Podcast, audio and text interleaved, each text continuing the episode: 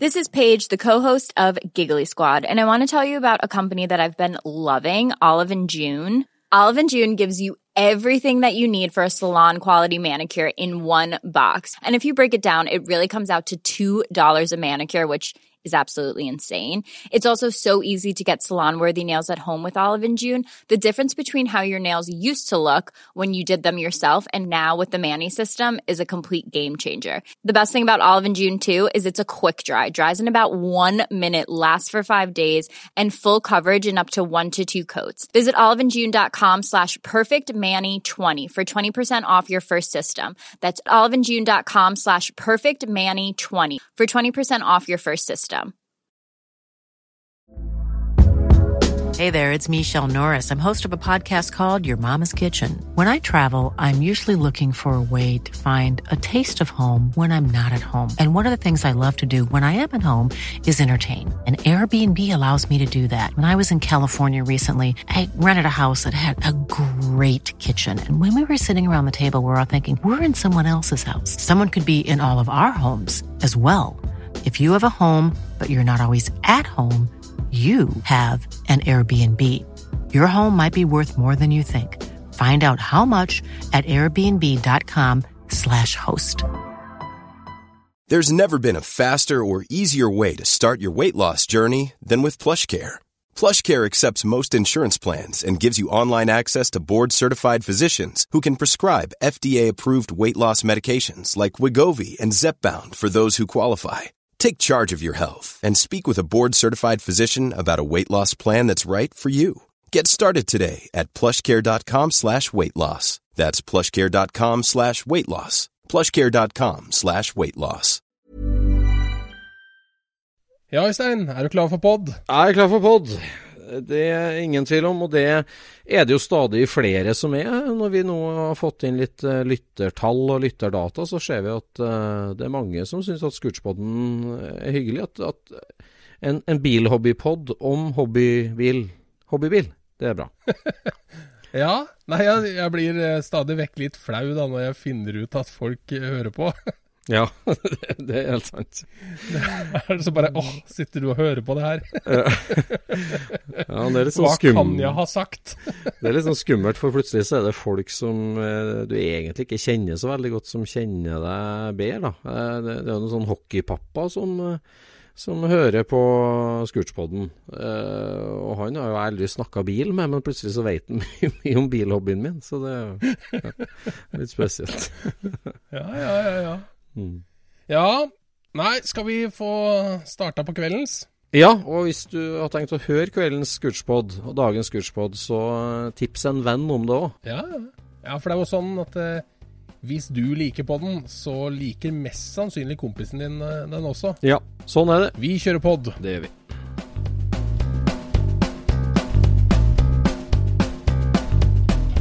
Du lytter nå til Scootspodden, en norsk podkast om klassisk bil med Jon Roar og Øystein.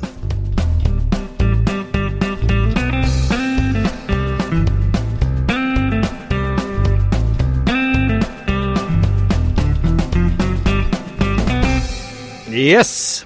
Velkommen til Scootspodden. Dette er en episode der vi skal prate litt om eh, ekspedisjoner. Ja, det kan Eh, være så mangt. Det kan være så mangt. Og så skal vi drive litt folkeopplysning. Vi har jo tenkt vi skulle utvide stadig vekk med litt sånn ja, faste spalter og sånn. Men i hvert fall i dag skal vi prate om eh, en bilfabrikk som ikke finnes lenger. Ja. Eller som finnes. Ja, fabrikkbygget finnes jo, det stemmer. Ja, ja. Men uh, bilmerket finnes ikke. Nei, nei. Ja. ja, for du har vært en uh, ordentlig god runde i Trøndelag du nå. Åh, jeg elsker jo trivelige Trøndelag, men eh, jeg fikk satt eh, tålmodigheten litt på prøve nå i uka her, altså. Det må jeg si. For eh, en eh, lang historie kort, da, så er det jo sånn at eh, for 25 år siden så fant jeg en 1947-modell Packard i eh, Las Vegas. En Jaha. eh, nydelig originalbil som eh, bare har vært brukt av to gamle damer i Abilene, Texas fra 1947 fram til 1956. Ok? Og um, Så ble den stående i en garasje i Texas, og så var det en fjern slektning av dem som kjøpte den ut og tok den med seg til Las Vegas. Fikk den i gang, og så fikk jeg se den stå parkert på gata, og så overtalte jeg min far til å kjøpe den bilen. Jaha. Uh, så vi kjøpte den, tok den til Los Angeles, uh, den ble med containeren hjem i 1995. Da var jeg, jeg hva gjorde jeg da? Jo da, da var jeg og, og jobba. Da jobba jeg i Las Vegas en sommer som snekker. Ja. Og så fant jeg den. Eh, tok den med hjem. Så kjørte vi den fra Trondheim til Oslo. Motsatt, selvfølgelig. Vi kjørte den fra containerhavna i Oslo opp til Trondheim. Og så kjørte vi litt med den eh, i Trondheim, og så ble den parkert, og så har den stått egentlig siden da. Ja. Og nå tok vi den fram igjen, eh, og første stopp Eh, på vei til Østlandet, egentlig, det var innom min gode venn smeden på Trones, på Verdalen, Geir Nattvik.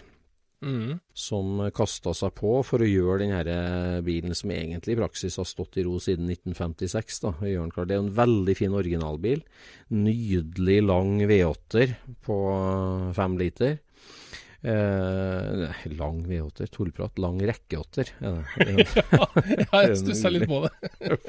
ja da, eh, herlig bil. Som eh, han eh, Geir Nattvik da skulle hjelpe meg å, å, få i gang. Så han kasta seg på. Full runde med hjullager, bremser, bensintank ut, rensa, nye rør, nye slanger. Uh, ja, hovedpumpe, full elektrisk, overdrive, uh, solenoid-restaurering for å få til det. Starter, dynamo, tenning. Han bare kasta seg på, tok en full runde. Jeg hadde, ja. kjøpt, jeg hadde kjøpt inn ja, rebuild-kit for vannpumpe, bensinpumpe, alt sammen. Og, og, så var han ferdig. Bilen gikk som en drøm. Alt fungerte helt topp. Og tusen takk for en fantastisk innsats på det. Og så reiste jeg oppover og skulle kjøre den hjem en søndagskveld, eller nå på søndagskvelden. Ja. Jeg skulle, skulle, kjøre den hjem til Østlandet, for nå skal den bilen uh, flytte hjem til meg. Uh, og det er jo en veldig hyggelig sak, som sagt. Og så, så syns jeg det er så brutalt å ha han på henger. Det, det, er jo så svær. Han er jo Jeg vet ikke, han er jo godt over to tonn.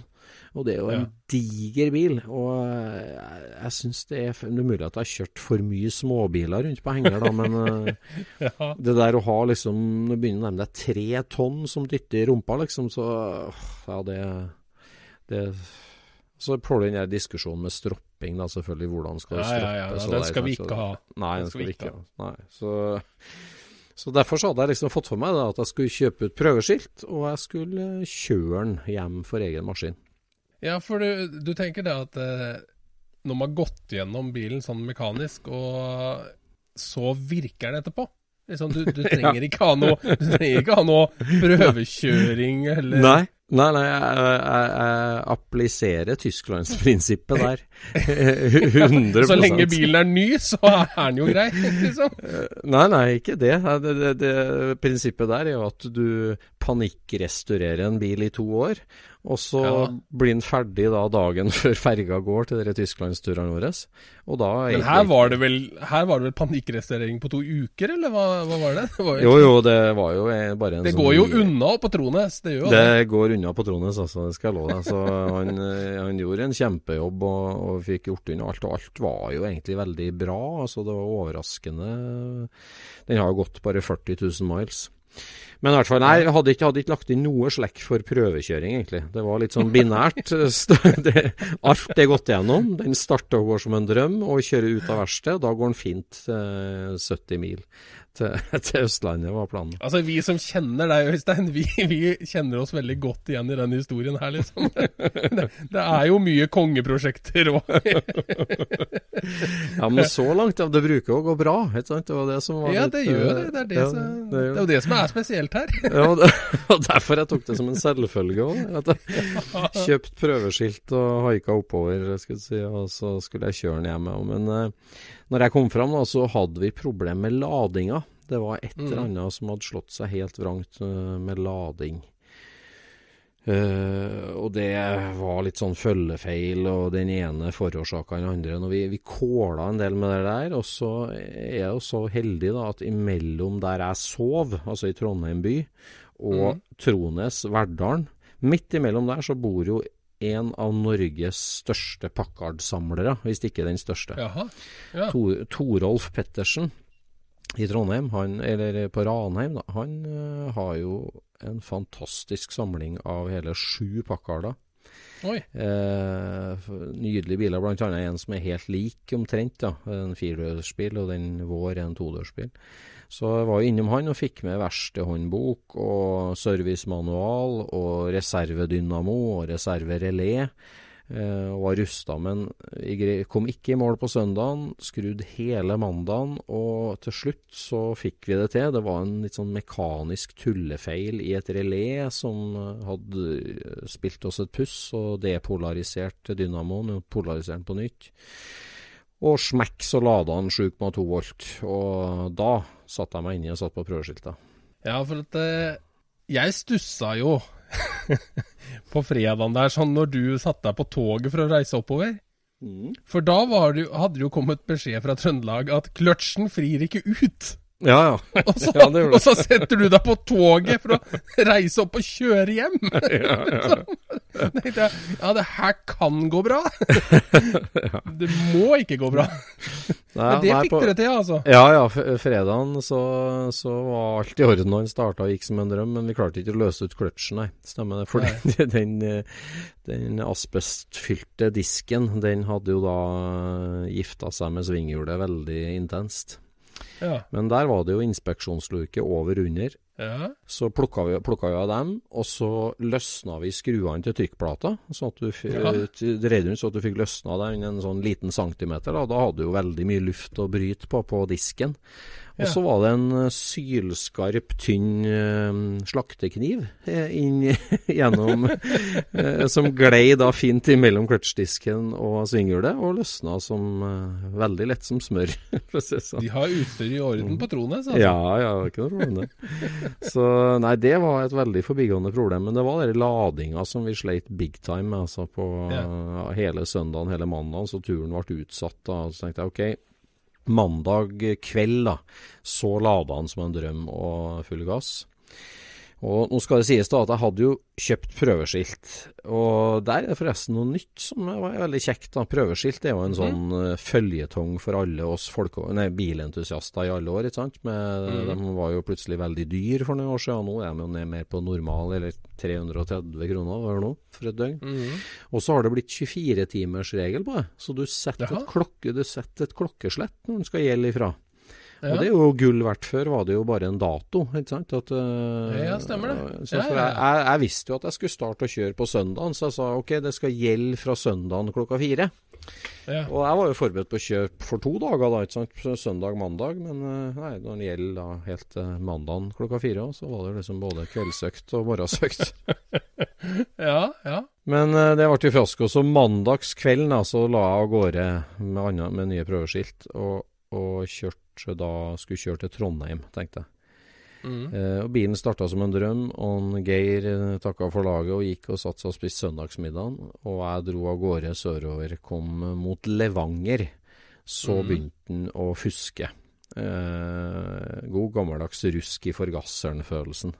Eller Og jeg tenkte det her går seg til, det må bare kjøres inn litt. Det, det er bare litt rusk i forgasseren, det blåser sånn igjennom. og den hosta og harka mer, og jeg fylte bensin på Levanger og dro ut derfra, og da var det dårlig trekkraft inn. Det var liksom ikke noe fullgassprinsipp i hele tatt. Det starta veldig lett og gikk kjempefint på lavt turtall, mm. men uh, ikke noe drag i hele tatt uh, på full fart, da, egentlig. Og på Skogn så måtte jeg dra av, for da hosta harka så fælt. Så ringer jeg til en Geir da, beklager og ødelagt søndagsmiddagen din og sånn, men eh, jeg, jeg, jeg må snu. Ja ja, bare snu, så ser vi på det. Det var rart. Og jeg, jeg sa det føles som en mangler bensin, sier jeg. Og så snur jeg, er på telefonen med han, kjører 100 meter, så stopper en smekk, liksom. Det som du slår av bensinpumpa. Øh, Ja. Stopper, stopper. Triller til sides. ja. Og da var jo gode råd dyre, og jeg hadde ikke med meg noe verktøy, for eh, bilen var jo ferdig, så den skulle jo gå. Ja, ja, ja. jeg hadde med meg refleksvest. Men det jeg hadde, da, det var jo Amcar-medlemskap. Og mm, i mai i år så lanserte jo Amcar det nye produktet som heter Roadside Assistance. Ja. Og det hadde jeg jo lest meg opp på på forhånd. Eh, såpass føre var var jeg faktisk. Ja, ja, ja. Og det er jo et kongetilbud da, fra eh, Amcar, som kort og godt går på at er du medlem i Amcar, så er det uansett om du sitter på i en entusiastbil, eller om du kjører en entusiastbil, eh, eller om du eier en. Det har ingenting å si. Om, om bare du gjør det ene eller det andre, si, så, så gjelder den. Og den er gratis. altså Den er en del av medlemskapet ditt, og medlemsprisen er jo den samme som den har vært hele tida. Eh, at Viking kommer og henter deg hvor som helst, og kjører deg hvor som helst. Altså Hvor som til- helst? Ja, altså at de kjører deg til det verkstedet du vil til, eller de kjører deg hjem. ja. Eh, så det er klart, jeg sto jo der og tenkte at eh, skal jeg si at jeg skal hjem til Gardermoen? Eller skal jeg si at jeg skal tilbake til Verdalen, som er en halvtime unna?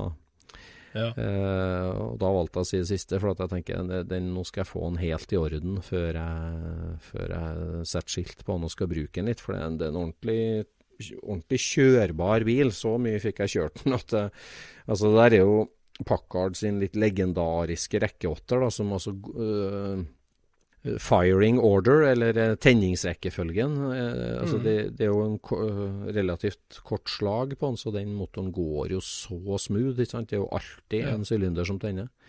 Så du kan jo parkere en dime på høykant. Eh, ikke en sjokolade, altså, men en mynt. Ja. Og den, eh, ja, den går smooth. Så eh, etter bare ja, en times venting, så kom Viking fra Vuku oppafor eh, for Verdalen. Okay. Eh, Vuku bil. Um, kom og henta han, og det var jo superservice og kjempefint. Og vi kjørte han tilbake til en vinterlagringsplass da, som jeg har eh, på Verdalen der. Og fikk trilla han av. Jeg kasta meg på toget og dro hjem. Mm. Og så sa jeg til en Geir liksom, nå glemmer vi den bilen der i noen dager, noen uker, og tar vi det når vi har lyst og tid, for da var liksom tålmodigheten til oss begge litt etter to døgn, sånn intensive døgn, altså. Ja. Så dro jeg fra han, og ganske riktig da lunsjtid dagen etterpå, så ringte en Geir og sa da, nå har jeg vært borte og sett på bilen og kjørte den hjem, og den går som en drøm, liksom. Ja ja, men du må kjøre den skikkelig varm, sa jeg, for det var jo, vi prøvde jo en liten tur utafor garasjen, så jeg, det, det, det var først når den blir skikkelig varm at det er et eller annet med bensintilførselen. Nei, han får masse bensin sin. Og det som har skjedd, da, en så banal ting, er jo at den bilen har et, eh, et automatisk eh, termostatstyrt sjåkspjell. Mm. Eh, ikke aspjell, men sjåkspjell. Ja, ja, ja. ja, ja. ja, ja, du ble forvirra der. Mm, mm, mm. Eh, og det er jo en svær, enkelt stående gasser med et stort spjell oppi, og når den uh, bimetallfjæra på gasseren der, når den er kald, så er jo spjellet helt stengt med et bitte lite høl igjennom. Mm. Og det der hadde vi jo testa. Vi hadde jo testa at fjæra drar seg på med varme, og vi hadde sett at spjellet gikk fint. Så det hadde vi gått over i forbindelse med gasseroverhalinga. Så, så, det så vi i verkstedet, at når vi starta opp uten luftfiltre på, så så vi at øh, den fjæra blir varm fra eksosen på manifolden, og drar da det spjellet som åpnes gradvis mer og mer og mer. Og i varm tilstand så står det jo helt vertikalt, og mm, motoren får all lufta den trenger. Ja. Men når Geir da dagen etterpå skulle starte den opp, det første han gjorde var tok en flat skrutrekker, løsna på luftfilteret, kikka nedi der, og der var det spjellet helt stengt. Og det var sånn stengt at det satt fast eh, i stengt posisjon. Så der hadde det skjedd et eller annet, da, at bilen ble varmere og varmere og varmere, spjellet åpna mer og mer. Men når den ble helt glovarm, helt maks, så har antagelig det spjellet da løsna fra en tjæra eller løsna fra mekanikeren og dratt seg igjen og blitt klem blitt, Jeg har sugd så gæli luft jeg, når jeg satt og ga gass på den kan du si, gjennom det lille hølet at det har rett og slett Ja. låst det spillet. Så den hadde ikke pustehjelp i hele tatt, den pakkeren. Den fikk ikke luft. Nei.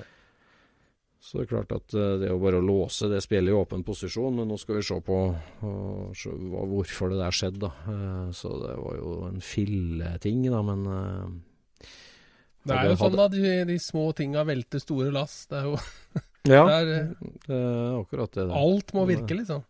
Men jeg, jeg følte meg litt sånn tilbake til 19 år og sliten boble, egentlig, når jeg sto i veikanten der på Skogn med refleksvesten og øse pøse regnvær og venta på vikingbil. Altså. Det, Ja.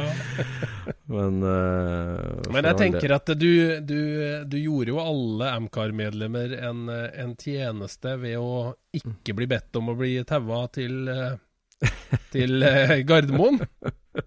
For da har eh, medlemskapsprisen gått opp, mener du. Nei, jeg tenkte på at da hadde de antageligvis, hvis de hadde da fått nyss om hva det var som hadde skjedd her, Ja. så hadde de nok innført en sånn optimistklausul.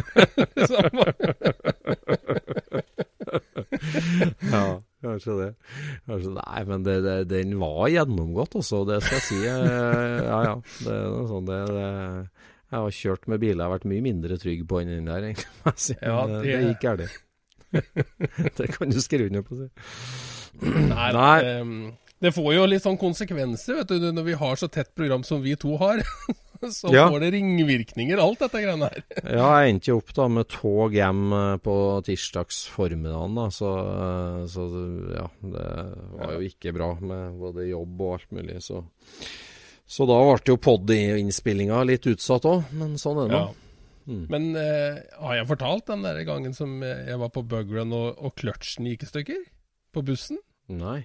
Jeg vet ikke om jeg har fortalt det der i, i poden, ja, men Brukte du brødkniv? Nei. Slaktekniv? Slaktekniv? Nei, Nei. jeg gjorde ikke det, gitt. Men, men det blei jo en sånn eh, På søndag skal hjem fra, fra bugrun på Mantorp og greier, ikke sant? Og har, Mm. skal rekke jobb dagen etter, da. Mm. Det er jo alltid eh, Det går akkurat, men det skal jo ikke skje så veldig mye før det der eh, rakner, ikke sant? Nei. Men eh, inne, på, inne på treffplassen så plutselig så skjer det noe med gasspedalen, eh, nei, med kløtsjen, Ja. eh, når jeg kjører rundt inne på parkeringa der. Så Nå er, vi, nå er vi tilbake på ambulansen, altså. Ja, det her er ambulansen, ja. Ja. Dette her er kun 20 år siden. Ja, nettopp. Da, da skjedde det et eller annet, så skjønte jeg at eh, jeg kan ikke begynne å rive ut eh, motoren eh, midt i Sverige sånn eh, klokka fire på en søndag. Nei. Eh, det funker ikke. Så, så vi begynte også eh, kjøre ut på, på E6-en der sånn, og, og kjøre mot uh, hjem, da, rett og slett. Mm. Mm. Så kom vi jo bare Vi kom ikke langt i det hele tatt, vet du. Vi, vi kom jo en halvtime eller et eller annet oh. sånt noe. Så, så drar den jo ikke framover i det hele tatt, ikke sant. Og jeg stopper under og slipper på mer, så det skal bli mer klem på, på trøkkeldisken og alt mulig. Og så kom vi jo Ja, da kom vi kanskje fem kilometer til, ikke sant, og da var det ikke mer. Ja. Men så hadde jeg så griseflaks, for jeg hadde tatt med meg visittkort bort på treffet. Aha. For det var en annen som skulle kjøpe noe greier av de svenske forhandlerne, og han ville ha visittkortet. Det hadde jo jeg aldri samla på eh, av noen av disse, vet du. Så jeg tok jo fram en av de. Ja. Og så hadde jeg jo mobiltelefon. Så, Ja. Oh, ja. og det hadde jo han derre fyren eh, som jeg ringte til òg, som fortsatt var på plassen der borte. Så spør jeg har du en clutch, og skal du forbi denne retningen her, liksom Mjølby. eh, nei, det hadde han ikke, men det var en annen der da, som, eh, som skulle den retningen. Og han eh, Han hadde clutch. Ja. Ja, men da må han bare svinge innom på Mækkern på, eh, på Mjølby, så, så kjøper jeg clutchene der. Ja, ja, og, og utløserlager og greier, ikke sant. Ja. Og så fikk vi da dytta eh, bilen fra E6-en og opp. Det var, det var tung jobb, altså. Dytte den Ja. fra Det var jo sånn under eh, Ja, hva heter det? Sånn trafikkmaskin som lå under veien, vet du. Så vi måtte jo liksom ned i det hølet, og så da dytte den opp på andre sida for å komme opp på Mækkern. Å. Og skrur av bakfangeren og river ut denne her motoren og sånt nå. Eller river. Altså, dette var jo en eh, utstillingsbil, så jeg tok det jo litt forsiktig, men Ja, på parkeringsplassen med- på parkeringsplassen på McDonald's. Ja, ja, ja. Og jeg hadde jo med garasjejekk og alt utstyret, ikke sant. Så, så de gutta som satt på, de, de så veldig mørkt på dette her, altså, for de hadde jo aldri De hadde kanskje bytta vindusviskere på en bil, men det var vel maks, tenker jeg. Så de liksom vi, Klokka er eh, kvart på seks, og vi står liksom i Mjølby i Sverige, og motoren er ved sida av bilen. Så plutselig så dukker, eh, dukker han eh, karen opp og med clutch, og jeg bare smekker den inn og løfter motoren på plass igjen og hekter på, på strøm og bensin igjen og starter opp, ikke sant? Og pakker alt det greiene inn igjen. Inn på Mækkern og vasker hendene og kjøper mat. Og bare dundrer og kjører. Da må vi jo kjøre om Oslo på vei hjem, da, for da rekker vi ikke ferja, ikke sant? Så vi, vi kjørte jo på skift da, hele natta. og kom hjem da i Sandefjord på morgenen der sånn. Sånn. Men, men alt, alt går jo så lenge ting funker. Men liksom, når du står der uten deler og verktøy, da, da er det mørkt. Ja, ja, det er oppløst. Åh, ja, det Nå baller det på seg en og annen, men det minner meg om den der litt legendariske historien om uh, vår gode venn da, eh, Bjørn Inge Dalby. eh, rest in Ja. peace på, på Hamar. Han jo hadde jo mange Mantorp-historier, og en av dem var jo det året han debuterte med en Gia. Han hadde jo flere Gia, han, og det her er veldig lenge siden, altså altså over 20 år siden. Eh, Så jeg husker ikke helt hvilken Gia det var, om den sølvfarga 57, det måtte ha vært før den. Han var på vei hjem akkurat samme, men det var før mobiltelefonens tid. Og det Ja. regna som tusen. De var på hjem, vei hjem fra Mantorp. Fikk motorhavari. Jeg tror det var en motor de bare hadde satt inn for å kjøre, som hadde funnet på låven, og det var en råde ut gjennom blokka. Oi, oi, De oi. Sto altså i en sånn skogskant der, uten mobil, eh, sikkert i bakfylla. sto der, og det regna, og gode råd og dyre. De liksom tenkte vi får haike litt, det kommer sikkert noen folkevognfolk som kan slepe oss et stykke, eller finne sånn. De sto, det var ingen som kom, kjente jeg det var liksom svensken, moderne biler. Eh, Noen stoppa og lurte på om han kan hjelpe dem, men det var ingen som kunne slepe dem. Og litt sånn. Og så tenkte jeg nei, vi får gå som vi finner sivilisasjon for å låne oss en telefon. Så begynner de å gå. Han ene var der da som begynte å gå, én holdt vakt ved bilen, og én begynner å gå. Går noen hundre meter, så går det opp en liten grusvei oppover skogen. Det var bare skog overalt.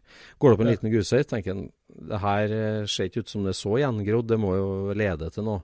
Går opp, kommer mot et lite småbruk. Der bor det en enslig kall. Eh, først, eh, så spør han liksom, går det an å få låne telefon. Nei, han hadde ikke telefon. Han hadde Oi. ikke telefon, han fyren. Eh, Så jeg var lurt på liksom, Nei, det var, hadde en gammel folkevogn som har havarert motoren og forskjellig sånn. Ja, ja, det- det var noe rart. Jo, du, jeg har jo ei sånn vedmaskin bakom ladene som, som hadde gått på folkevognmotor. Sånn, sånn slags sånn, sånn sirkelsag, noe sånn hjemmelagd greier der. Men, eh, men den har ikke vært anvendt på mange, mange år, så den bare står der. Så går den bak, så bak i liksom takdryppet fra en sånn låve, så står det en sånn rustklump av en folkevognmotor. Noe sånn eh, rart 1200-greier fra 60-tallet, da. Som eh, liksom ser helt sånn gjengrodd ut. Og han liksom vippa av luftfilteret, sånn en full av vann. Nei, han var ikke full av vann. Og tar tak i reima, sitter godt, liksom. Jeg bare lurer Nei, jeg får ikke til å løsne en uh, altså, som jeg Har du en stor skiftnøkkel? Jo, han hadde en svær skiftnøkkel. Satte den ned på uh, veva og dro til skikkelig. Ja, så fikk han det løsna. Han gikk så vidt rundt, liksom. Ja, du må bare ta motoren, sier han hvis dere vil. og så blir han med ned med traktoren og sleper Gian oppe i gården. Han hadde ikke mye verktøy, det var ikke noen mekaniker der. Og da, da river de altså ut motoren sin og tar vedmaskinmotoren, flytter over alt med tenning og eksosanlegg og forgasser, alt, for alt det var bare helt råttent. Ja. Og sette den inn og fyrer opp og kjører til Hamar. ja. så, Det så den eh, vedmaskinsmotoren, den eh, Ja, nei. Det, Ja, det der er heftig. Heftig greie. Heftig greier. Ene enn verre enn andre, men det, det er viktig å få fortalt disse historiene fra Bjørn Inge, vår gode venn. Ja, Ja. ja. ja. Eh, Vi går til en kort pause.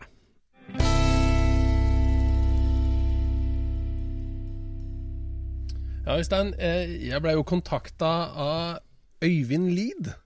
Ja. Det er et navn du husker. Øyelokkmannen.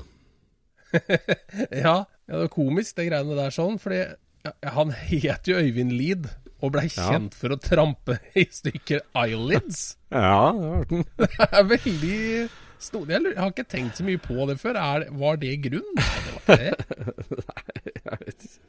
Kanskje han mente det, at eh, det teite ekstrautstyret med krumma blekk over lyktene dine gjorde narr av navnet hans, rett og slett. Ja, kanskje det. I hvert fall så var han veldig imot det.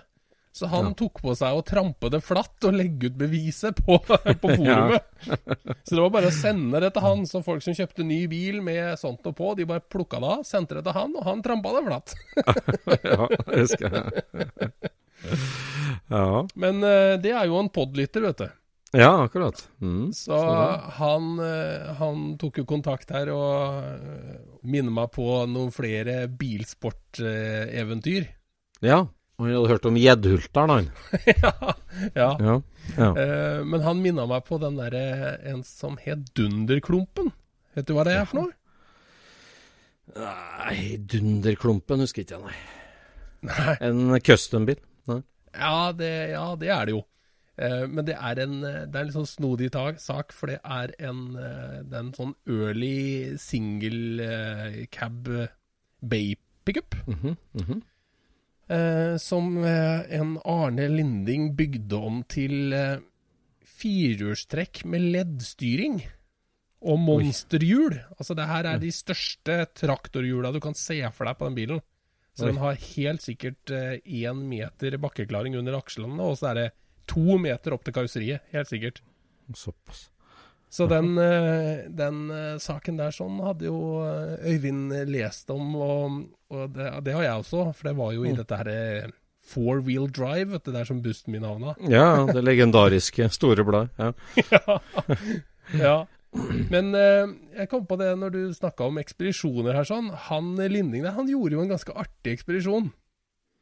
Men Aha. det var ikke med den dunderklumpen, for han bygde en bil eh, etter å ha blitt eh, tirra opp av disse her reporterne på four wheel drive. For de mente jo Kan du ikke bygge en ordentlig monster truck? For den her var sånn nesten 75% monster truck, liksom, var den første. Jaha. -hmm. Og så sa han ja, hvis dere skaffer de her, disse her Bigfoot-dekka, så skal jeg bygge bilen. Ja. Altså, Og han tenkte jo ikke noe mer på det, men etter et par uker så ringte de her fra bladet. da. Hadde de fått spons på de dekka. Nei. Så da, så da kom det jo sånne monsterhjul over fra, fra statene, vet du. Så han måtte jo bare begynne å bygge, han, da.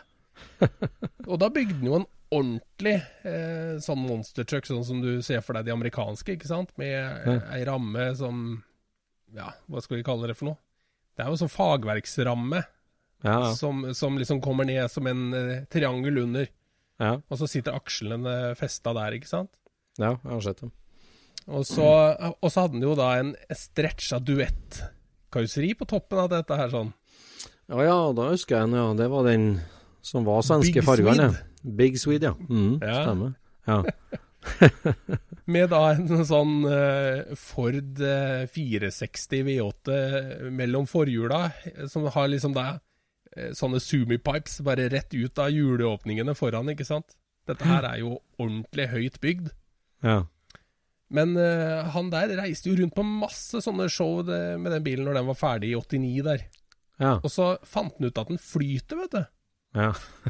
Så han kjørte jo ut i dammer overalt og, og herja med dette greiene her sånn, og så fant han ut at han skulle at han skulle kjøre en ordentlig ekspedisjon over til Danmark. Nei. Over til Danmark? Ja, Ja, Helsingør, Helsingborg, eller nedi der? Ja, det er nok ja. eh, rundt der et sted. Øresund. eh, ja, det er brua i dag, antagelig. Ja. Mm. Ja. Så han uti der sånn, ikke sant. Og så, og så måtte han jo da sette opp sånne her eh, vimpler med at han hadde dårlig svingradius, for det hadde han jo. Han hadde jo helt elendig svingradius. Ja, ja, ja. Og så mens han, eh, mens han uh, kjører over der sånn, da, så, eh, så møter han en elg, vet du. Midt En uti der. elg? Som svømmer over. Det, syns jeg er helt merkelig, altså. Kan en elg bare legge i vei sånn? Ja, I hvert fall, det var, det var bilder av elgen i bladet, faktisk. Mens han svømmer. Det hørtes helt absurd ut. En elg? Ja. Altså, han, eh, kom seg, han kom seg faktisk eh, over til Danmark, og kjørte tilbake nå, samme vei. Ja, fy søren. Og den flyter jo så Hvordan eh, Vet du hvor dypt den flyter? Er det Nava ja, over du vann? Ser, du se, nei, du ser eh, bare de øverste 30 cm av dekka omtrent. Gjør du det? Ja, det, du ser De stikker så vidt Eller ikke så vidt, da. De stikker en del over, men det er ikke, det er ikke snakk om at navet er over, nei. Nei. Det er nedi. Og så gikk han visst en og en halv knop, da, eh, med drift på bare hjula. Ja. Men så ordna han til Ordna han til propell seinere, da, så han fikk den opp i to og en halv knop. Som var transferkassa, da, en aksling ut som drev propell. Ja, han, han tok ut en eh, ekstra fra transferkassa, da, og så inn i en Volvo automatkasse. Og så gikk han gjennom en drivaksel fra en, eh, fra en eh, Volvo militærbil og ned i et, i et McPherson-ledd fra, fra en Renault 16. Og så satt propellen på der, så han kunne svinge med propellen og alt mulig. ikke sant? Sitter du og leser om det her? Sitter du og leser det nå, eller husker Ja, du alt det Jon Roy? nei. Ja, det her husker jeg. vet du. du er sjuk i hodet. ass. Du er sjuk i hodet. Det der er galskap. Å huske, Å huske det bi, vi snakker bilsport 1989, ikke sant? Var ikke det så? Nei, nei altså det fins Det fins eh, nyere, nyere ting, for han holder jo fortsatt på med den der, der sånn, vet du. Jeg hadde jo egentlig glemt den. Ja. Eller jeg hadde ikke glemt den. Du går ikke og tenker på den hver dag? Nei, det gjør jeg ikke. Men han driver jo faktisk på, vet du. Og kjører rundt med den greia der fortsatt. Du, du Så det- husker sånne artikler helt vilt. Altså, du måtte ha lest de bilsportene dine Du måtte ha slitt dem ut, du, de Ja, bladene. det er, det er luselesing, altså. Jeg husker det første bladet. Der tror jeg antageligvis jeg kan alt. Herregud. ja, jeg, for det bladet, det hadde jeg jo Det var jo et blad jeg tagg meg til, ikke sant. Så jeg hadde jo Ja. det ene bladet der i ett år, og jeg syntes det var helt fantastisk. ikke sant? Så jeg leste jo det bladet uendelig mange ganger. Satt der og lurte hva faen det betyr, dette greiene her. liksom Jeg skjønner ikke hva det står engang. Ja, det var Du, artig. du har blitt bra på svarsk, så jeg skjønner du har det inne. Apropos det, vet du. I det første bladet så var det jo eh, lanseringa av eh, eh, Viperen. Altså det var eh, Ja. visinga av den prototypen som blei ja. Viperen. Den het Ja. vel Jeg tror den het Viper da òg. Men det er en bil som jeg har sett veldig mye siste året, altså. Å, Har de Viper? kommet inn under disse her, eh, den nye reglene, eller? Jeg har sett tre Eh. stykker i sommer, og det er mer enn jeg har sett på fryktelig lang tid. Ja. Uh, nei, det skal vi se nå. Ja, kom den i Jeg tror 89, han kom eller? i Nei, jeg tror den kom i 91 eller 92, eller sånt. Da tror jeg den kom. Ja. For bla, det, den prototypen, den kommer vel gjerne Det bladet var fra 89. ja, ok. Mm.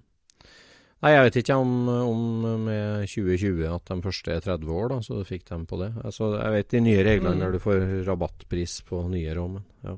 Ja, Nei, nei, det skal jeg ikke si. ja kanskje, kanskje, Det- kanskje de kom i 90, da. Det gir Ja, kanskje litt kanskje. mening. Mm. Ikke Class of 98 der, altså. Nei, nei.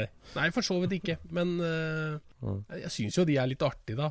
Jeg husker en uh, Der mente de jo at dette var arvtakeren til Cobra, og det er jo Cobra er jo også en favoritt her. Jeg syns Ja. jo Cobra er kul bil. Ja, ja. Veldig. Og den hadde jo da selvfølgelig koplede sidepipes, og det er jo et favorittuttrykk fra Sverige. Jeg så jo den derre norskbygde Opel Kapteinen med Viper-motor. At uh, den var jo annonsert Ja. for salg nå. Ja. Det er jo en lokal kar til deg som har den. Ja, det er eh, jo tydeligvis uh, godt skjult for meg, men jo da. Det er jo det. Ja. Men apropos til salgs, eh, jeg vet ikke om du fikk det med deg, eller at uh, en av Norges største bilsamlere, da, Gjerdrum uh, Å jo. eh, ha, Jeg så det. han skal tynne i rekkene, og det går altså an å kjøpe seg Porsche 935 i Norge i dag. Det Ja. er helt vilt, det, rett og slett. Jeg tenkte på at jeg skulle sende deg en melding. Selg alt! Kjøp bil! Ja, fy søren, den er jo brutal, altså, den bilen. Ja, det er brutalt. Ja. Ja, det er brutalt. At den finnes i Norge. Og at den er, det er jo en av de best bevarte 935 nå, vet du. Altså, den, er jo, Mm. den har jo aldri vært eh, totalhavari, den bilen. Nei. Og uh, at den står til salgs, det er helt uh, Ja, det er helt Altså, det blir, det blir en god salgsannonse når du har med de bildene fra der han går på Le Mans. liksom. Altså, du Ja. ser den i pitten, og det er ja, ja, Oi, oi, oi, oi, oi, oi. Liquid Molly. Nei, den uh... det, ja, men det, det var jo ikke bare den heller. Det vet ikke mange biler han skulle selge, men var det en seks-sju stykker da, kan jeg si. Og det var jo det ene perlen etter den andre. Det er Nydelig bilsamling, altså. Og nydelige biler. Så Ja. Mm. Sånn kan det gå. pri, har du fått noe prisestimat der, da? Nei, jeg har ikke, spurt engang. Jeg har ikke spurt engang. Nei, jeg aner ikke hva de står i, jeg. Det, Nei, jeg husker jo Jeg husker han Carolla kjøpte sin, og det begynner jo nå å bli fem år siden. Mhm. Da, men det var jo da også en sånn Newman-bil som, eh, Ja. som Paul Newman hadde kjørt. Og det var jo den som de kaller for det, The War Horse. Det er jo den mm. 935 som har gått flest eh, racekilometer i verden. Da ga han fem millioner dollar for den. Akkurat, ja. Nei, da er det bare å selge unna, da. Både kone og barn, skulle jeg si. Nei. Nei, det Nei, du. Jeg tror, jeg tror det er eh, Jeg har ikke hobbybudsjett som kan drive den bilen i en sesong engang. En runde med dekk er drøyt. Jeg kan selge hele samlinga mi og drive den i ett år, kanskje. Ja, det er brutalt. Det er brutalt. Ja. Ja ja, vi snakka om ekspedisjoner, og da skal vi innom eh, en, en av de store norske ekspedisjonene som, eh, som ikke er så kjent som eh, Nansen og Amundsen, men for oss bilfolk som er en av de mer spennende ekspedisjonene. Ja. Og det her er jo ikke selvopplevd på noe vis, men uh, vi ble jo var den historien her for en 10-15 år siden, Jon Roar. Når, Ja. eh, når vi snubla over filmen om isblokkekspedisjonen ja. fra Mo i Rana til til, Til Gabon. til Gabon i Afrika. Det er en helt vill film. Det er en helt vill film om en helt vill idé og en vill uh, ferd. Altså, det Ja, altså for at Når du ser den filmen, så aksepterer du jo dette her for det det er. Altså Det er jo fakta, og det er jo en sann historie. mm, Men det er liksom når, når, du, når du begynner virkelig å tenke på det, så er det jo Det er jo rart. det Altså, er rart. kan det Stemmer det, liksom? Mm. For det begynte jo med at han markedssjefen på, på Glava fikk høre om en konkurranse som Radio Lux i Luxembourg hadde utlyst. Nå snakker vi om Glava isolasjonsfabrikken. Ja. Ja. Og det, det som de på Radio Lux da var veldig interessert i, var å få frakta is, isblokker fra nord for polar, polarsirkelen Mm. og til ekvator. ja. Hvordan kan du komme på et sånt konsept på en radiostasjon? Det er Ja, hvor- det første ja, det, er, det er superrart. Jeg tenkte ikke superart. noe over det den gangen som, som jeg så filmen første gangen. Da Mm, stussa jeg ikke noe på det. Men, Mm. men sånn i etterkant, liksom, hva er det for en idé? Det må være en slags sånn videreføring av den vitsen med liksom ja, Han er så god at han kan selge sand i Sahara, eller han er så god at han kan selge is på Grønland, skal du si. Blir det ikke det Eh, motsatte? Jo, det motsatte av det. En sånn videreføring av den vitsen, på en måte. Ja, ja, Tenk deg å kunne selge isblokk i Sahara. ja. Måte. Ja. ja for at Så, eh, eh, i den konkurransen så var det jo sånn at eh, hvis du fikk frakta, eller per kilo is du klarte å få til ekvator, uten å bruke kjølebil eller kjølemedier, Mm. så skulle du få så skulle du få 10 000 frank. 100 000 franc per kilo. Bare 100 000 franc per kilo. 100 000 franc var det. Ja. Og gla, Glava regna jo da fort ut på eh, OK, en Scania lastebil har sånn og sånn lastekapasitet. Hvis vi tar med så og så mye is, så og så mye glassvatt å isolere med, Ja. så kan vi jo nok bør kunne cashe inn mellom åtte og ni eh, millioner kroner i 1959, som i dag ville ha tilsvart ca. 100 millioner kroner i premiepenger fra en liten radiostasjon. Kunne jo redda hele Askim, det der. ja, Lars. Da er arbeidsplassene sikra drit i å selge isolasjon. Vi kjører lastebil. Ja, ja, ja. Og så eh, meldte de seg vel til Radio Lux og sa at de ville være med på denne konkurransen her. Mm. Og da fikk jo de kalde føtter, er det det man sier? ja, ja. ja, når de skjønte hvor genial glassvattoppfinnelse var, da, eh, og isolasjon, kan vi si at det faktisk kom til å gå bra, så trakk jo radiostasjonen seg. Ja. Eh, og det ble ikke noe av det. Men rekla tidenes reklamestunt fra Glava var jo bare så vidt begynt, og de valgte jo å fullføre hele prosessen. ja. Og det er jo det den filmen her handler om. Dette her er jo markedsføringa av stuntet, den filmen vi har sett. Ja, den er det. Og filmen eh, Det er klart, det som fascinerer oss, er jo bilparken. Ja. Og de starta jo da i Mo i Rana i 1959, på sommeren 1959. Mm. Og hogd ut en masse små isblokker av svartisen, isbreen, ved Mo i Rana. Mhm. Stabla det sammen, ca. tre kubikk, tre tonn med is. Pakka det inn i glava, en svær stålkasse rundt.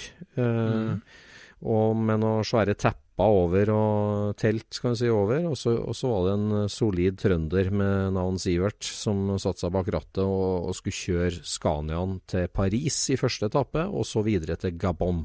ja. Og som følge da bak den Scaniaen, så er det altså først en splitter ny 58-modell eh, folkevogn deluxe-buss. En brun og rød, herlig sådan, som Ja. eh, eh, hvitsnippgjengen fra Glava skulle kjøre. Markedssjefen og en par eh, visepresidenter skulle, si, skulle være med på stuntet og kjøre bak i en mer komfortabel folkevognbuss. Og så da helt bakerst så hadde de da leid inn et eh, filmteam som hadde med seg firmabilen sin, som var en 53-modell Porsche 356. ja. Så bare det å kjøre Porsche 356 53-modell fra Mo i Rana til Gabon, eller Folkong buss for den del, er jo et prosjekt i seg sjøl. ja. Men uh, de tre bilene der la altså ut mot på den ferden, og det, det er jo noen herlige bilder altså, av de bilene på tur. ja. Og så har de det der viktige kartet, vet du, med den stipla streken Ja. når de er ute og reiser. ja. malt på sida. det der er viktig, altså. Det er viktig, vet du. Nei, det, det er en vanvittig historie. her. De gjorde jo litt veldedig formål da, med at de tok med seg medisiner til Nobel, Nobels fredsprisvinneren, Albert Schweitzer. Eh, som eh, Og de kom jo fram med isblokka stort sett intakt. Ja, men det, før de kommer fram, så det er jo liksom Det er jo ikke så spennende mens de kjører gjennom Europa, egentlig. Ja, de, ja, de møter eh, ordføreren i, i, i Paris der, da, men eh, det er jo stort sett bare tyskere som er går opp i håndstående over ordførere. Ja, veldig stas. Borgermeister. Ja. Men når de kommer i land i, i Marokko og skal kjøre liksom Det begynner å bli sånn ørkenscener, og de står og spar i sand for å få denne her eh, tohjulstrekk Scaniaen fram i sanddyner. Ja. Og holder på med sånne matter og plater og alt mulig. Ja, det er liksom altså. Ja. Det er en helt vill tur, ikke sant? Helt vill tur, vet du. Men så plutselig så, eh, så blir det jo åpner jo landskapet seg litt, og så blir det nesten sånn der Bonneville-stemning der. Mm. Og det er herlig der Filmavisen-klippet der eh, hun sier liksom Og det var først på steppene her i Nord-Marokko at den eh, spreke sportsvognen i bakre tropp fikk eh, strekt på beina. Så bladam, durer Porschen forbi. det er, det er, eh, det er så, så artig, det der filmklippet. Så det anbefaler jo alle. Det er bare å søke på 'Isblokkekspedisjon' på, på Google, så, så Ja. finner du både filmen og omtalen om det. Men det er jo litt sånn Eh. artig når de, når de skal om bord Altså, de heiser jo lastebilen om bord, gjør de ikke det? Jo, de skal det det, over ja. Middelhavet, så heiser de om bord, ikke sant? Da, da er det gammelt. Ja, ja, da er det gammelt. Da er det gammelt, ja. Rorobåten er ikke funnet opp ennå, liksom. Men, eh, men da, da står jo sjåføren der og tapper av én liter smeltevann. Ja, Er det ikke det han gjør, da? ja, det, ja det, det var bare noen få liter. Det, så hogg de jo opp isblokka og delte ut til bærbart drikkevann til, til flere av befolkningene der etterpå. Nei, Ja. det der er et helt stunt. Jeg så Glava har jo melka det der en del nå i nyere tid òg. Han, han? Sivert, han trønderen, han var jo fram og ble intervjua her. Han er død nå. Men han ble fram og ble intervjua om det eventyret her i Adresseavisa for ikke så mange år siden. Ja. Så Nei, det der er altså, typisk sånn reklamestunt som ingen gjør i dag. Du gjør jo ikke sånt. Liksom, du kjører en kampanje på Instagram, det og, Men Ja. altså, liksom, å, å finne på en sånn greie er jo helt vilt, vet du. Helt Men, vilt. men det her må jo være um, Altså, dette her er jo så gammelt, det må jo ha vært vist på kino. Det var jo ikke snakk om å sende Ja. det på TV, liksom. Nei, det er sant, ja. Det, det er jo en slags dokumentarfilm, nærmest, ja. Eh, ja. Ja. Nei, det, det er sant, ja. Men apropos dette her, sånn, har du, har du spora opp den eh, Porschen, eller? Ja, det var jo det som uh, gjorde at jeg fikk båndtenning når jeg så det der for et norsk prosjekt i 59 med en 53-modell Porsche. Men det er klart, du ser jo veldig fort at det er svenske skilt på den Porschen. Ja. Og, og jeg håpa jo i lang tid at det var uh, norsk regnummer likevel, selv om skiltene så litt svensk ut, på en måte. Men Ja. uh, det var jo ikke noe å finne på den i Norge, og den fant jeg jo i Stockholm. Så den var jo registrert på han eieren av det filmbyrået i Stockholm. Så det var et svensk filmteam som var leid inn for å lage film Ja. rett og slett. Og, men det er for dem òg, da. To hattkledde kaller fra Stockholm som skulle kjøre Porsche med sikkert 20 km filmruller da baki der, og, og kamera gjennom en støvete ørken. Det, det var helt merkelig bilvalg, det òg, men Ja, vi har jo vært på tur eh, til, eh, til eh, Frankfurt i tilsvarende bil. det har vi. Mm. Og jeg tenker jo ikke liksom at vi her kunne vi hatt med oss et, et 50-talls eh, kamera og filmruller. Og, altså, ja, Det er jo helt merkelig. Altså, ja. bare det liksom Veistandarden skulle jo tilsi at en Ja. eh, 356 ikke var optimale, men eh, Men Nei, det er en, en herlig ekvipasje da, med den folkevognbussen foran. Og Men- men fant folkevognbussen du har jeg Nei, jeg har faktisk ikke spora Porschen videre. Jeg fant ut at den var svensk, og at han var registrert der da første gang. Men eh, Ja. uh, jeg har ikke spora den til bunns, det har ikke jeg gjort. Altså, for det er jo i Sverige så er det jo I Norge så har vi jo ett sentralt register for uh, alle biler som da var registrert før 71, før Autosys gjorde alt digitalt. mm. Og i det ene registeret så finner du jo hele historikken, egentlig. Men i Sverige så er jo det ligger jo rundt på masse trafikkstasjoner. Ja. Og du må finne første vognkortet, og nederst på det så står det 'solgt til Jævleborg' og flytta til et nytt len. Og så må du til det Ja. lenet og finne der. Så Ja. det er veldig leting. Og så er det mange som ikke har, da, spesielt i leng lengst sør, i de fylkene lengst sør i Sverige, så er det veldig mangelfullt. Så det er en par-tre biler der jeg står og stanger fullstendig og kommer ikke videre, og det er så frustrerende, altså. For Ja. at, eh, Men sa du at du hadde spor av bussen? Nei, jeg har ikke det. Og det slår meg jo nå, at uh, der er det jo et regnummer, så vidt jeg husker er jo det norsk. Eh, eh, den skulle ha vært spora opp, det har ikke jeg gjort. Ja. Da tar jeg for gitt at du har ikke spor av Scaniaen heller? Det, det kan du være sikker på. det kan du være helt sikker på. Men den går antageligvis som potetlastebil et eller annet sted? Ja, jeg det. Nei, det regnnummeret er helt sikkert i bruk på en uh, 73 Tempo, eller noe sånt. Ja, ja, ja. Det er nok sikkert er sant, ja. sånn det går. Ja. Ja, men du Sånn tisa at du skulle snakke om en eh, bilfabrikk som ikke finnes mer. Ja, du korrigerte meg jo brått da på det, for uh, det, bilfabrikken er jo freda, selve fabrikken, og vi snakker jo da om uh, Packard. Ja. Og Packard det er et sånt uh, bilmerke som Det er liksom lett å se på som sånn eh, Ja, enda en gammel amerikansk bil, på en måte. Men, men Packard er et veldig spesielt merke som har en spesiell historie, og, og som var veldig luksuriøs, veldig innovativ. Det, det, og, og ikke så jeg må jo nesten si liksom litt så simpelt som en del eh, amerikanske er. liksom At det er grovt og enkelt. på en måte Packarden var veldig sofistikert og en, en veldig flott bil, altså. Men eh, Ja, Når begynte de, da? Ja, nå er vi jo eh, inn på det her folkeopplysningsdelen av poden vår, og vi skal prøve å, å, å gjøre ting på fem minutter, omtrent. Ja, Ja, Så den superkorte versjonen av Packard-historien da, det, jo, eh, det handler jo om to brødre som vokser opp i eh, en eh, jernvarehandel i Ohio. Mhm. Faren starta jernvarehandel, starta med to tomme hender, bygd seg opp. eh, Har eid et helt eh, konglomerat av jernvarehandler i Ohio. De her to brødrene ble ingeniører og, og jobba for far sin. Ja. Og så leste de om at uh, Benz og Gottlieb Daimler i Tyskland hadde funnet opp bilen, og at de i, i, i Europa hadde begynt å produsere biler. Og da er vi på ja, 1895 omtrent, ja, på Ja. slutten av 1800-tallet.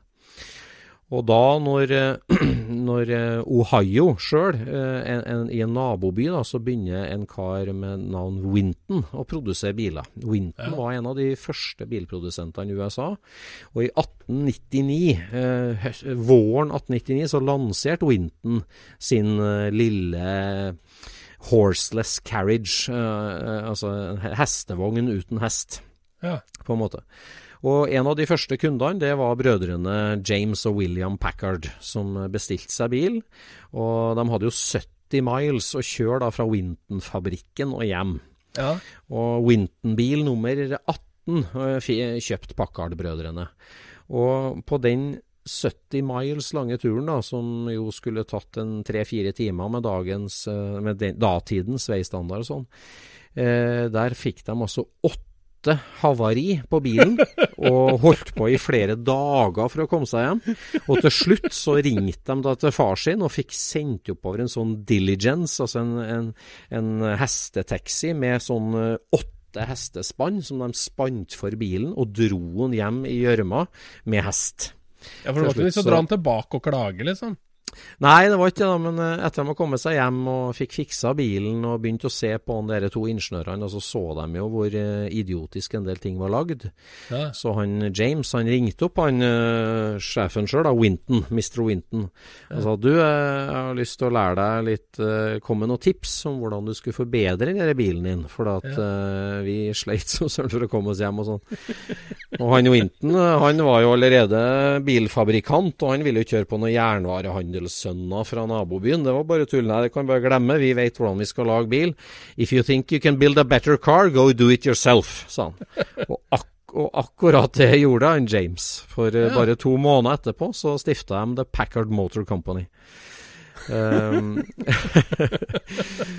og det var jo en herlig start, og det ble jo starten på eh, en, en det, Og da var det jo pålitelighet de var ute etter. Det var liksom ordentlig engineering eh, og pålitelighet. Så det her guttene kasta seg på og konstruerte en fenomenalt bra bil, og begynte å selge biler da allerede i i 1900. Eh, de, de etablerte eh, En klar Etablert. målsetting om at kundene skulle komme seg helt hjem. Komme seg helt hjem. Ja. Og de var opptatt av engineering, og ikke opptatt av markedsføring. Eh, og, det, og da er jo bare ett års drift omtrent, ja, de begynte å var oppe i 80 biler per år i produksjon, så det begynte, begynte jo å bli litt produksjon bare etter et par år. Så er det en gentleman, altså det er klart da var jo bil et luksusprodukt uten like. Det var jo aller rikeste som kunne kjøpe seg bil. Mm. Og en sånn riking ringte og sier at du eh, er interessert i å kjøpe meg en Packard Car. Kan du ikke sende meg en full teknisk spesifikasjon og en salgsbrosjyre på bilen? Og brødrene dem var jo bare i verksted og skrudde bil og utvikla motor og konstruerte bil, så de hadde jo ikke noe markedsmateriell i det hele tatt. Og på telefon, altså ja, eh, vi, vi har ingenting å sende deg. Nei, det eneste jeg kan si If you wanna buy a Packard, go ask the man who owns one. Sånn. Og det herre credoet der, det ble jo Packard sitt slogan helt til 1958, til de lagde den siste Packarden. Ja, ja, ja. Ask the man who owns one. Ja. Eh, og det er jo et kongesak, og det, det er jo så herlig med liksom at det er kun ingeniørfokus. Og liksom, nei, drit i markedsføringa. Er det bra biler, så skal en ja. Ja, nei da, så um, Packard-brødrene drev på, og så var det da en uh, steinrik uh, sønn oppe i Detroit som kjøpte seg en Packard, og han var jo da midt i uh, bilverdenen, kan vi si, i Detroit, kjøpte seg Packard, og det her var en fantastisk bil, den var mye mer pålitelig, mye mer luksuriøs enn jeg har sett før. Han begynte å kjøpe seg aksjer i selskapet, og kjøpte seg opp mer og mer og mer. Fikk med seg vennene sine til å kjøpe aksjer mer og mer og mer. Og til slutt så hadde de eh, 51% på generalforsamlinga. Og reiste ned til Ohio og stemte over at de skulle flytte hele Packard-firmaet opp til Detroit. For det var der framtida lå. Ja. Og brødrene Packard, det var ikke aktuelt. De hadde hardware stores de måtte ha ansvaret for, og de hadde bygd opp bilfabrikken sin sjøl. Det var ikke snakk om, de ville ikke flytte til Detroit. Men han derre Henry Joy, da, han investoren, han brukte vetoretten sin med mest aksjer, og flytta hele Packard Motor Company opp til Detroit, og ble sjefen sjøl. ja. Brødrene ble igjen i Ohio. Og i Detroit så bygde de også den her fantastiske Packard Plant, den fabrikken som i dag er freda, Mm. og som står som et monument av helt eh, ødelagt og herja i stykker og tagga ned nå i dag. Og ser jo ut som en ruin, men den er freda og er jo, eh, var jo da på 20-tallet den mest luksuriøse bilfabrikken i Detroit. Det er jo litt av en bygningsmasse, det greiene der, da. Ja, det er jo en gigantisk bygningsmasse. Vi skulle sikkert hatt tallene på det, men de bygde i hvert fall en veldig flott fabrikk. Begynte å bygge biler, rulla ut. Og han Henry Joy han handla det bare om å vokse. Bli større, bli større, bli større, bli større. Ja. Og, men eh, da var, ble han litt på kollisjonskurs da, med, med resten av styret, for at han var så opptatt av å komme seg bli større hele tida, men styret og Packard de ville holde seg til vi skal lage helt de ypperste bilene, de beste bilene. Vi skal selge til de aller rikeste. Ja. Og eh, til slutt, da i 1906 eller noe sånt, så ble de så uenige, han sjefen og styret, om retningen for firmaet, at han sjefen gikk. Og da var det han eh, styreformannen, James McCauley, som steppa opp og tok sjefsjobben. Ja. Og han satt ved roret og styrte klokkeklart gjennom hele 20- og 30-tallet, og Packard sikta på de aller rikeste, de aller mest raffinerte kundene. Og Mm. i det sjiktet der var de sammen med, med de, uh, The Three Ps. Peerless, Pierce Arrow og Packard, de tre superfabrikkene som leverte de aller rikeste kundene. Ja. Og det der eh, gjorde at de produserte nydelige V12-motorer, fantastiske Dietrich-karosseri og Le Baron-karosseri på Packard chassis, nydelige biler, og hadde eh, var måte litt legendarisk på Detroit Autoshow med en sånn showbil hvert eneste år, da, som ofte bana vei for skrå frontrute, for spiss frontrute, for panser som går helt opp til ruta, og ikke har den cowl-delen Ja, imellom. ja, ja. De gjorde masse sånne grep. De kom med hydraulisk clutch, de kom med overdrive, de kom med hydrauliske bremser. De var først ut med veldig mye, kan du si. Så det var en veldig engineered, ordentlig bil. Som eh, da dessverre ikke overlevde krigen. De lagde både båtmotorer og flymotorer gjennom krigen. Og etter krigen så produserte de nydelige biler helt opp til 1950 omtrent. Og etterpå det så gifta de seg litt med Studebaker, og det ble litt sånn halvfabrikater. Og så til slutt, da i 57, så var det helt slutt. Ja. Så, eh, så Packard er en liten juvel sånn altså, som eh, det er verdt å få med seg. eh, Men igjen da så gjelder som alle, spesielt amerikanske biler, at de gylne åra det er 32 til 34. Eh, det, det, du kan gå på hvilken som helst amerikansk bil, enten det er liksom Ford eller Packard og alt derimellom, så 32-34 er det fineste årgangen. Det er de fleste enig i. ja. Så Nei, men det er eh, Det er jo artig å se disse her pakkardene i, i trafikk, for det gjør jeg jo innimellom. Ja, du bor jo sentralt i forhold til norsk Packard-entusiasme. Ja, og det skjønner jeg jo at, eh, at det er mellom Trondheim og, og Verdal òg, men, eh, Ja. men det er, eh, det er artige Packarder å se i, i Sandefjord av og til òg. Blant annet en pickup. Ja, en herlig svensk pickup, ja. Sjuseter limousin som ble gårdsbil hver. Med deg etter førerdørene. Ja, ja. Den er herlig. Den er herlig. Nei, det er Norge og Norden generelt, og Danmark har hatt et veldig sterkt Packard-miljø eh, i alle år. Og nå, nå er det jo sånn at jeg har, eh, har, eh, har eh, overtatt den 47-modellen, eh, og gleder meg virkelig til fine turer med den. Altså, for, eh, så, så nå blir den innlemma i samlinga. Ja. Mm. Så hvis noen lurer på hvordan eh, det er å eie en Packard, så er det bare å spørre deg, altså. Ja, ja. Bare send oss en Instagram-beskjed, så skal du få talk with one who owns one. Ja. Pass, Ja pass på, pass på sjåkspillet. Eh, mitt word of- det er mitt advice. Ja. Ja, ja, ja. ja, ja. Nei, det var nok for i dag. Ja. Nei, eh, må vi bare huske oss at, eh, at folk tipser eh, kompisene sine om, eh, om podden, og abonnerer.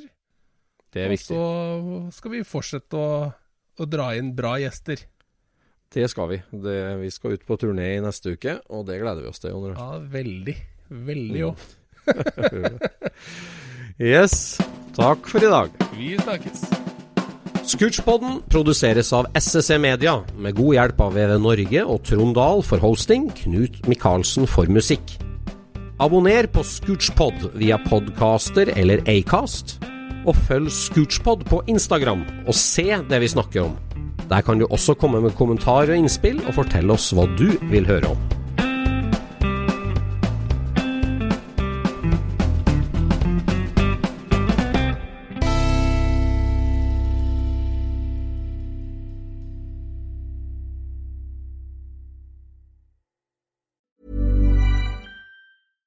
Hey, it's Paige DeSorbo from Giggly Squad. High quality fashion without the price tag. Say hello to Quince.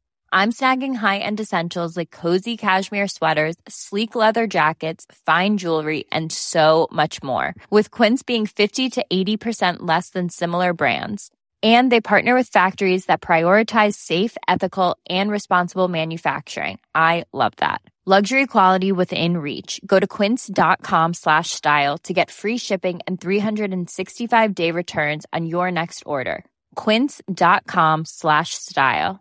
Mom deserves the best, and there's no better place to shop for Mother's Day than Whole Foods Market. They're your destination for unbeatable savings, from premium gifts to show-stopping flowers and irresistible desserts. Start by saving 33% with Prime on all body care and candles. Then get a 15-stem bunch of tulips for just $9.99 each with Prime. Round out Mom's menu with festive rosé, irresistible berry chantilly cake, and more special treats. Come celebrate Mother's Day at Whole Foods Market.